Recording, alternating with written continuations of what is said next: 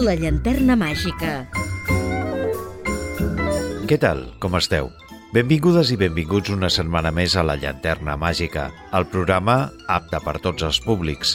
Edició número 280 des dels nostres inicis i 12 d'aquesta vuitena temporada. Barbie és la tercera pel·lícula de Greta Gerwig com a directora després de Lady Bird i Mujercitas l'any 2017 i 2019 respectivament i des de la seva estrena ha generat una gran expectativa, controvèrsia, curiositat i una febre rosa a tot el món.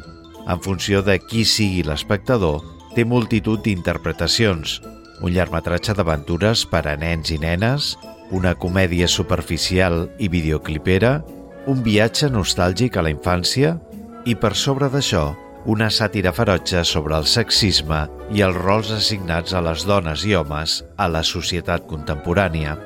La Nina Barbie sembla ser per moment una excusa, un ganxo perquè arribem al que veritablement és, una pel·lícula de denúncia.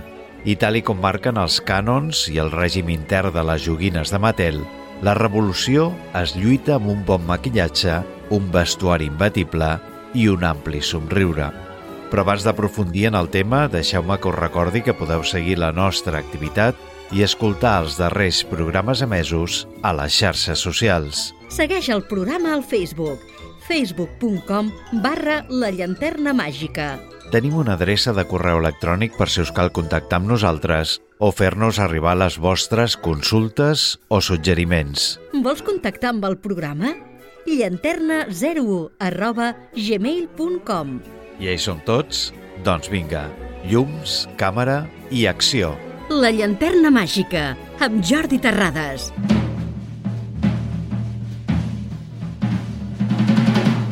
El desenvolupament d'una pel·lícula basada en la línia de joguines Barbie va començar el mes de setembre de 2009, quan es va anunciar que Mattel havia creat una societat per desenvolupar el projecte de mà d'Universal, amb Lawrence Mark com a productor.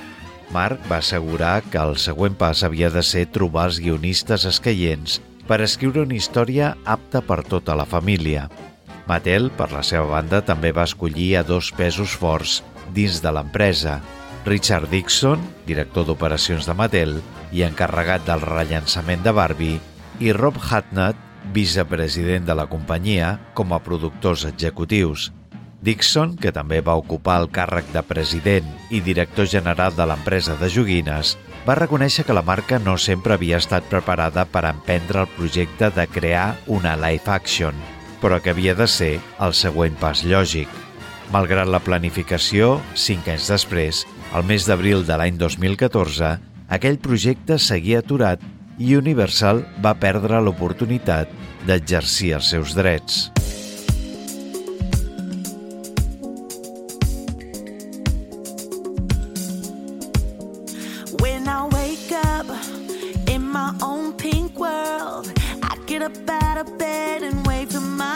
Homegirls. Hey, Bobby, hey, she's so cool. All dolled up, just playing chess by the pool. Come on, we got important things to do.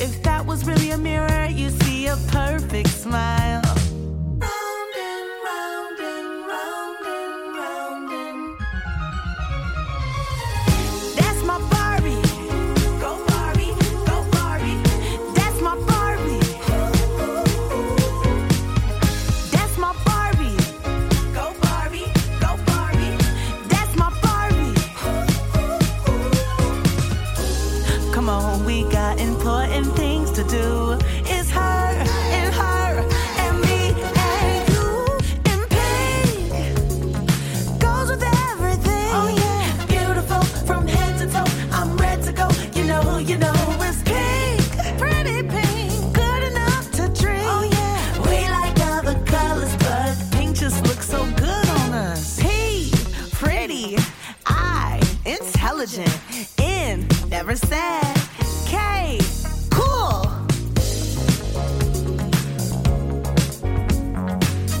Hey.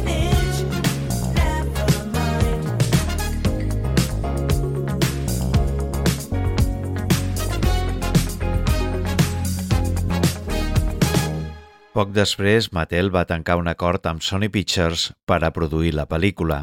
Ràpidament van contractar a Jenny Biggs, guionista i productora de televisió nord-americana, responsable, entre altres, d'haver treballat a Sexo Nova York, Rio 2 o El Gran Showman. Precisament va ser ella la que va proposar realitzar un conte de fades contemporani on Barbie utilitzaria totes les seves habilitats personals i professionals per millorar la vida de la gent a l'estil de Mary Poppins. Segons Hannah Minghella, cap de producció de Sony Entertainment, el concepte va obrir un univers de possibilitats i va capturar l'essència de la popularitat intergeneracional de la franquícia. L'estudi tenia previst iniciar el rodatge a finals d'any, però ja us podeu imaginar que no va ser així. Used to be the one that you wait on. All the nights I couldn't find my way home. I was at the bottom, I was all gone. So I know what it's like to be where you are. You keep on fighting through your fears, your demons holding back your tears. I see it, you don't wanna show your weakness. I already know your secrets every single time you wake up in the night. You'll find me next to you. When it all falls down and no one is around till my breath runs out. Six feet underground, be there. This will never end, I'll always be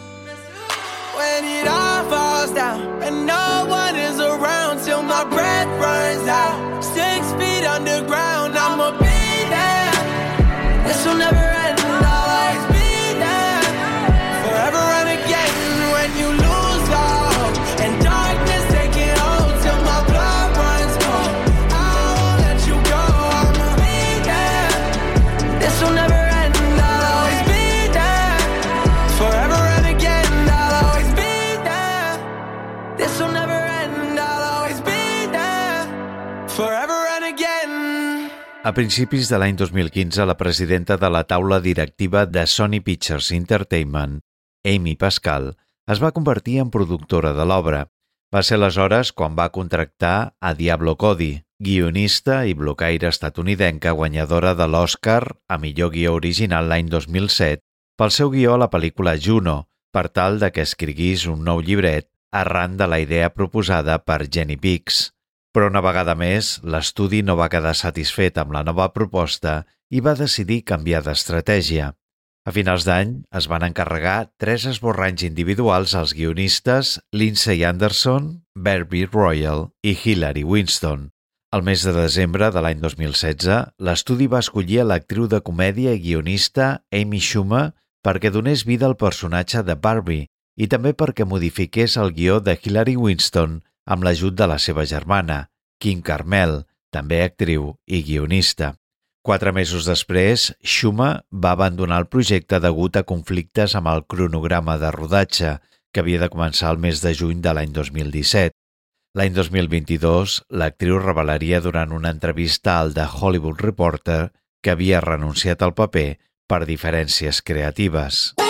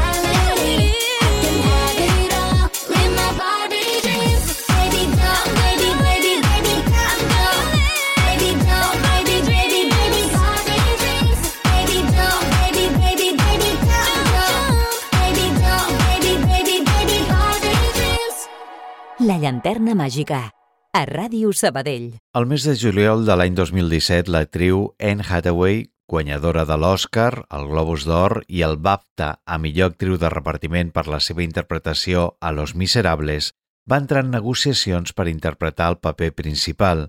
Amb l'esperança de captar l'actriu, Sony li va oferir el lloc de directora a Alicia Jones i va contractar la guionista Olivia Milch, guionista de Ocean's 8, l'espin-off de la trilogia Ocean's Eleven sobre lladres sofisticats que va protagonitzar George Clooney i companyia. Aquesta nova història escrita per Olivia Milch, Barbie era expulsada de Barbieland per no ser suficientment perfecta i s'embarca en una aventura pel món real per salvar-se a si mateixa i per salvar la seva llar. Hathaway i Jones es van unir al projecte oficialment al mes de gener de l'any 2018 i la data d'estrena es va haver de retardar fins a agost de l'any 2020. Però el venciment, una vegada més, de l'acord entre Mattel i Sony i la transferència de drets a Warner Bros. al mes d'octubre va resultar ser també el final d'alguns dels integrants que formaven part fins aleshores del projecte. Així, l'actriu Anne Hathaway, la directora Alicia Jones i els productors Laurie MacDonald, Walter F. Parks i Amy Pascal desapareixen de l'equació. You can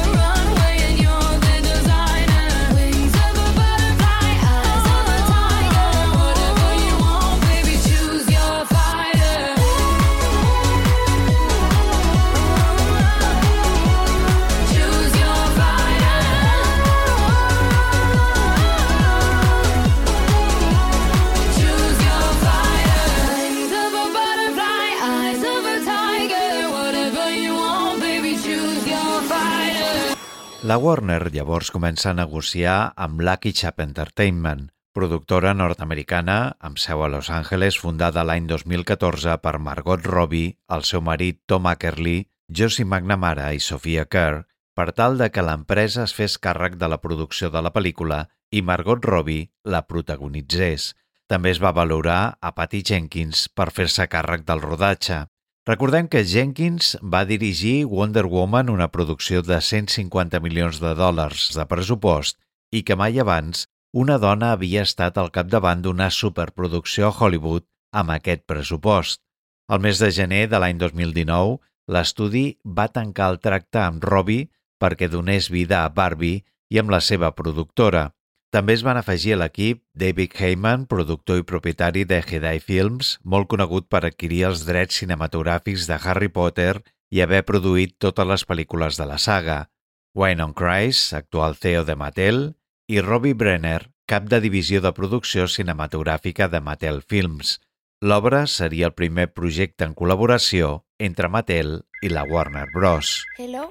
Yo, chica,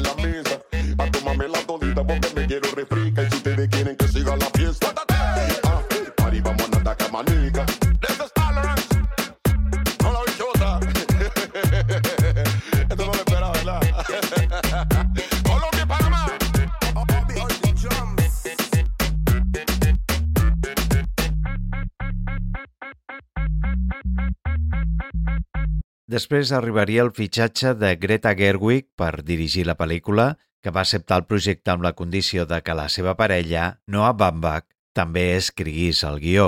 El director de fotografia, Rodrigo Prieto, va estar a càrrec de la filmació entre el 22 de març i el 15 de juliol de 2022 a les instal·lacions de Warner Bros. Studios.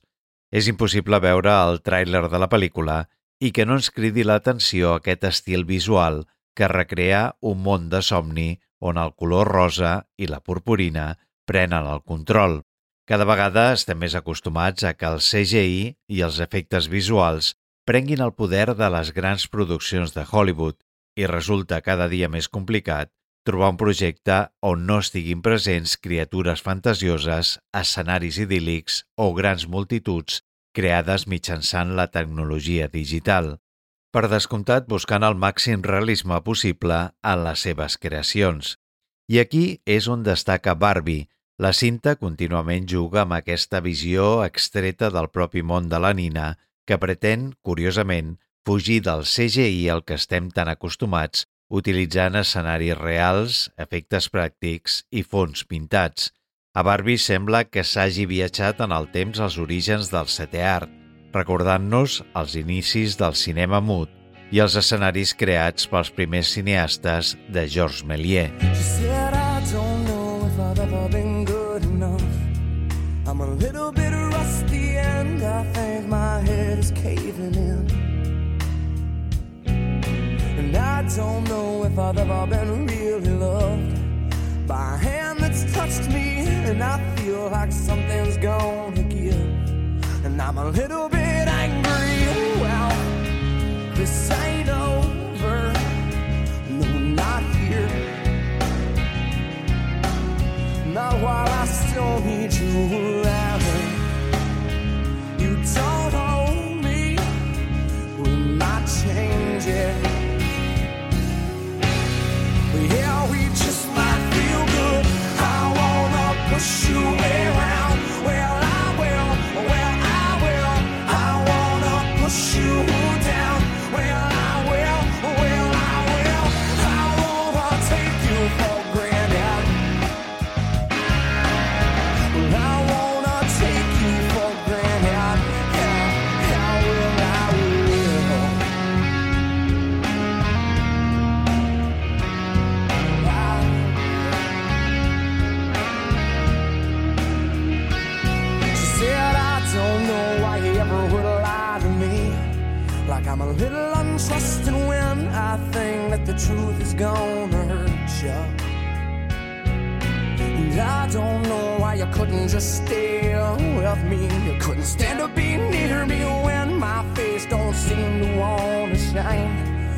it's a little bit dirty. Oh, well, well, don't just stand there. Say nice things to me.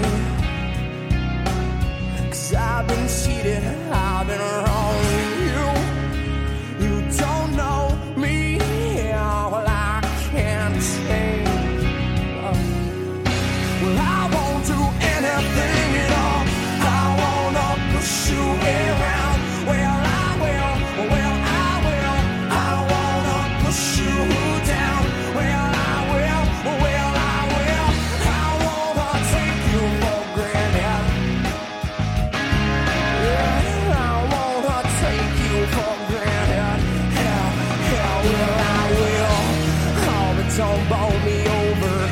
wait a minute.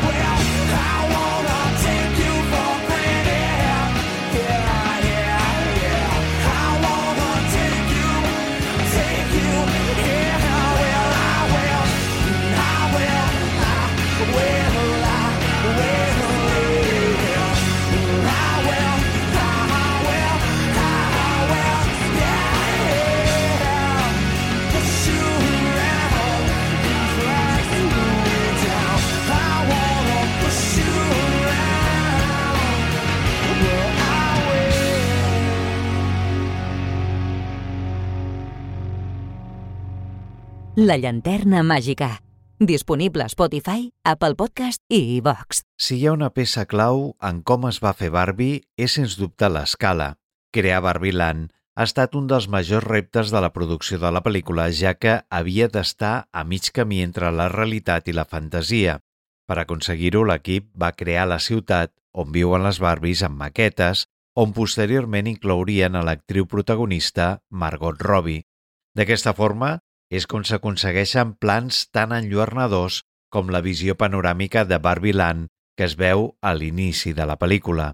Un altre dels grans aspectes que han propiciat que Barbie es converteixi en aquest fenomen de masses internacional ha estat, sens dubte, la inclusió de contínues picades d'ullets cinematogràfiques. I és que la primera escena que obre la cinta ja és tota una declaració d'intencions, ni més ni menys que una recreació de la mítica escena de 2001, Una odissea de l'espai, considerada una de les grans produccions de la història del cinema, dirigida per Stanley Kubrick l'any 1968. Però aquesta no ha estat l'única referència que podem veure a Barbie. Pel·lícules com el Màgic 2 o Gris també han jugat un paper vital en com es va fer Barbie, arribant fins i tot a protagonitzar un dels grans moments de la pel·lícula. When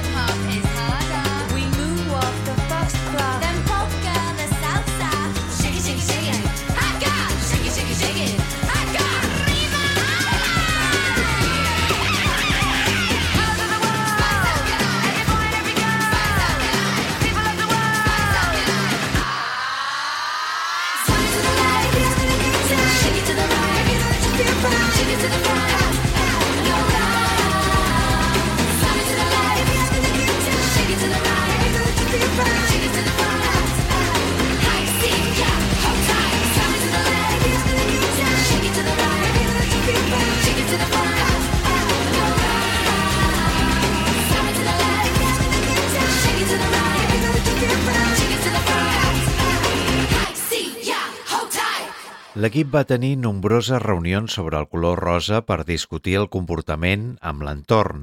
El director de fotografia, Rodrigo Prieto, va desenvolupar una plantilla cromàtica especial que va batejar amb el nom de Techni Barbie. La dissenyadora de producció, Sarah Greenwood, i la decoradora, Katie Spencer, van dissenyar el veïnatge de cases de somni i la resta d'estructures de Barbieland, inspirades per l'arquitectura modernista de mitjans de segle que es troba a Palm Springs, Califòrnia. També es van fixar en models cases de joguina per ajustar les proporcions. Finalment les van construir els estudis de la Warner a Lipsden. La llar de la protagonista és una casa fúcsia de tres pisos amb un tobogan que condueix a la piscina. El dormitori disposa d'un armari que mostra els conjunts de nina amb vitrines en forma de caixes de joguines. Algunes de les fonts d'inspiració van ser La gran aventura de Pee-wee, producció de l'any 1985 de Tim Burton, les pintures de Wayne Thiebaud i l'apartament de Gene Kelly a un americano en París. She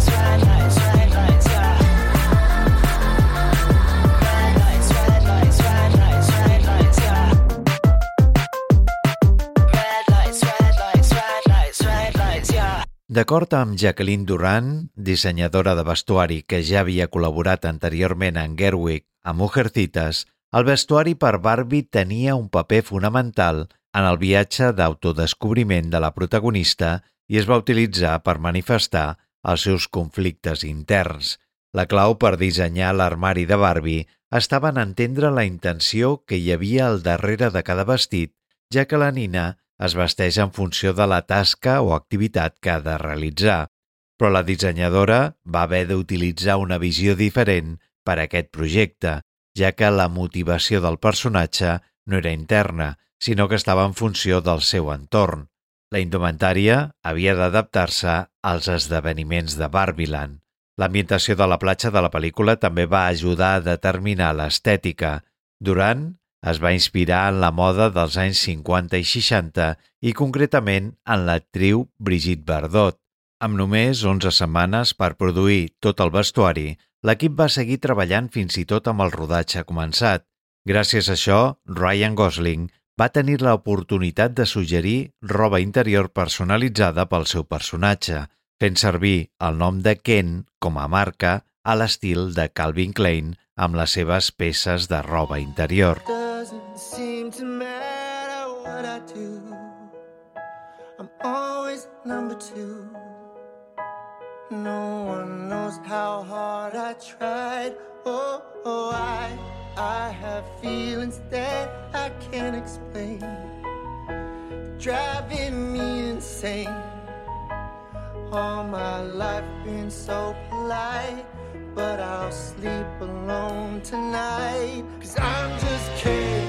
Anywhere else I'd be a. Is it my destiny to live and die a life of blonde fragility? I'm just kidding. Where I see love, she sees a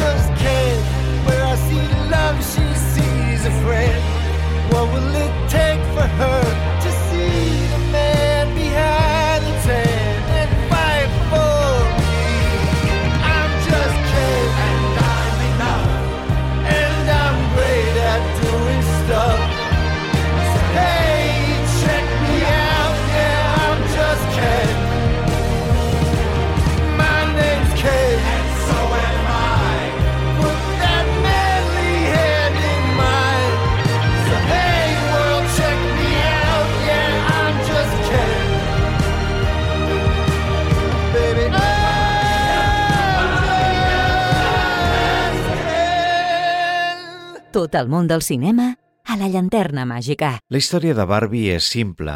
La clàssica Barbie estereotípica viu una vida de somni a Barbieland, al costat de les altres Barbies, els Ken i Alan.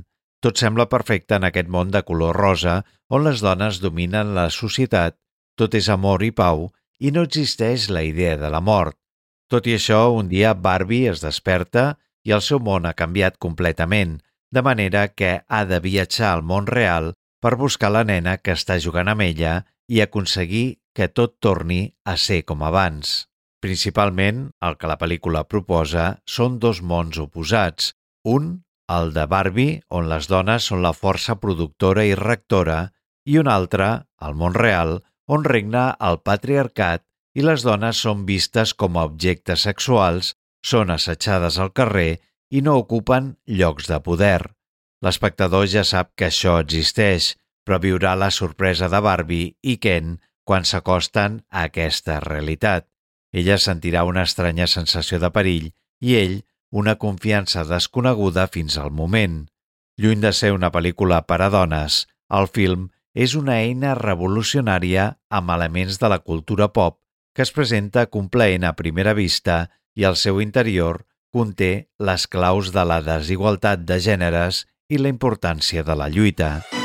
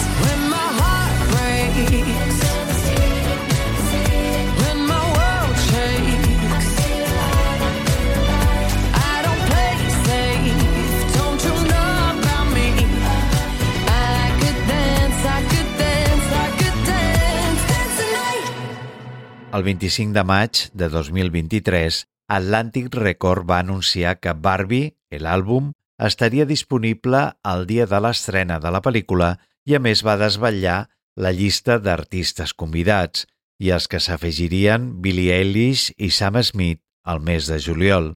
En un principi, Alexandra de Pla va acceptar la tasca de compondre música per la producció després d'haver treballat amb Greta Gerwig a Mujercitas, però Mark Ronson i Andrew Wyatt el van reemplaçar com a productor executius de la banda sonora.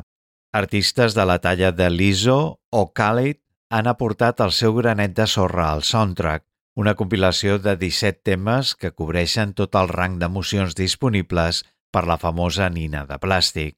Lizzo, Dua Lipa, Karol G, Ava Max i 50-50 li donen veu a Barbie. Des del pop, el dance o el reggaeton, però sempre brillants, li canten a l'empoderament femení, la sororitat i la llibertat a la pista de ball. A l'altra banda de la moneda trobem a Sam Smith, Dominic Fike, The Kid Laroi i Khalid. Ells aporten la visió de Ken que li prometen un món meravellós a Barbie a canvi de la seva atenció. Completen l'àlbum altres models de Barbie on Nicki Minaj i Ice Spice s'amplegen a Aqua i el seu llegendari I'm a Barbie Girl, afegint-hi un toc entremaliat. Destaca Billie Eilish amb What Was I Made For, que torna a les seves arrels amb una musicalització de la crisi dels 20.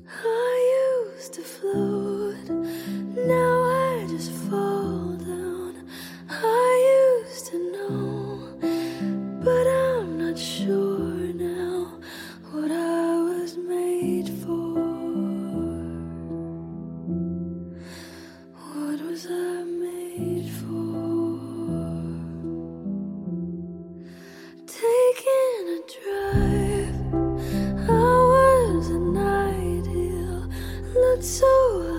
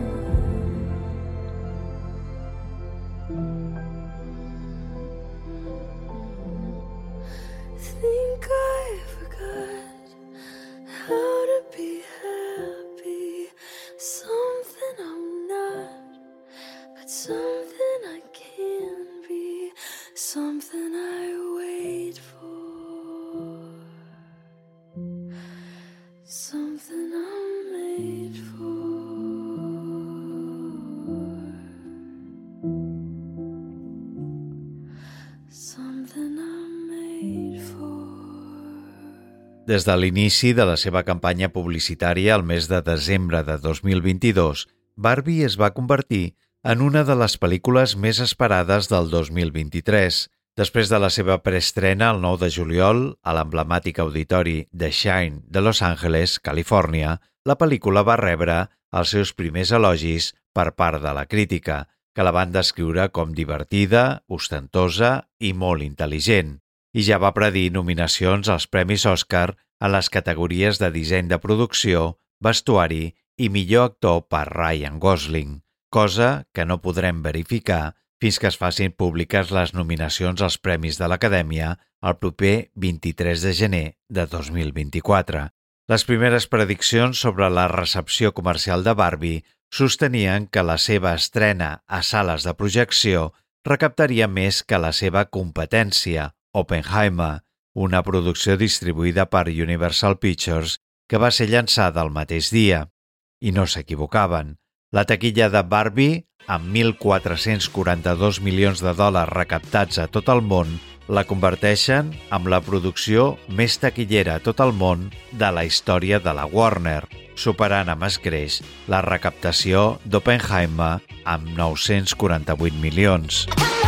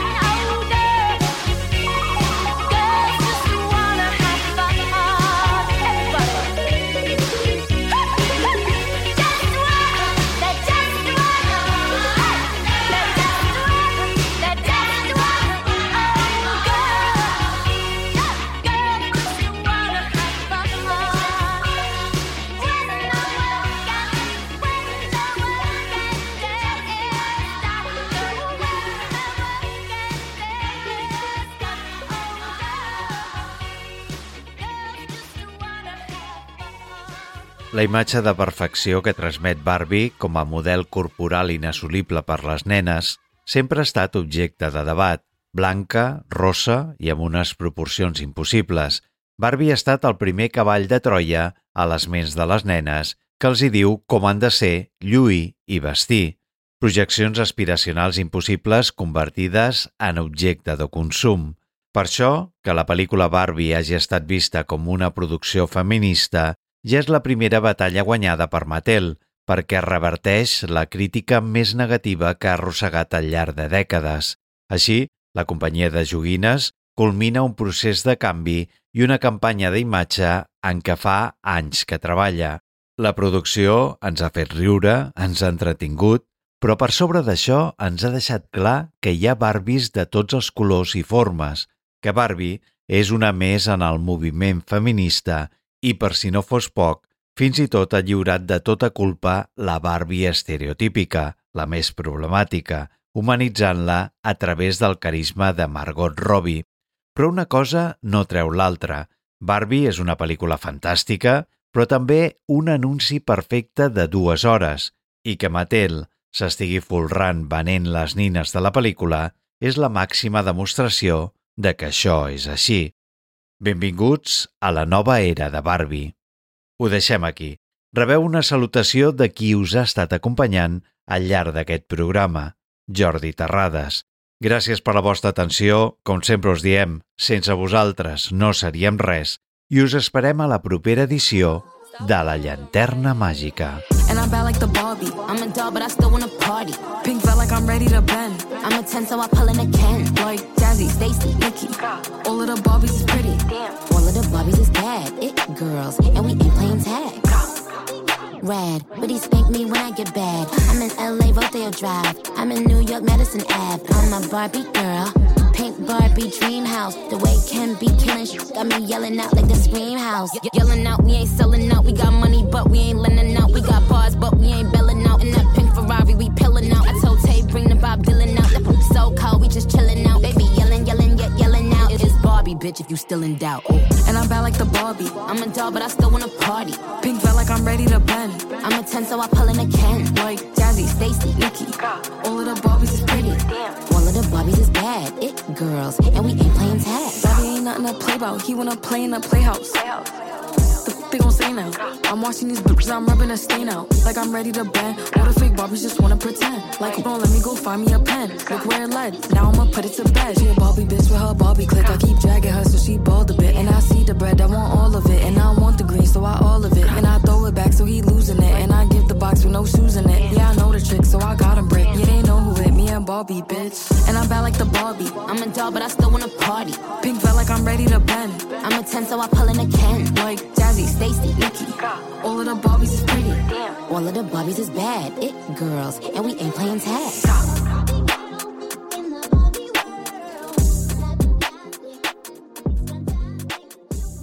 La llanterna màgica, amb Jordi Terrades, a Ràdio Sabadell 94.6.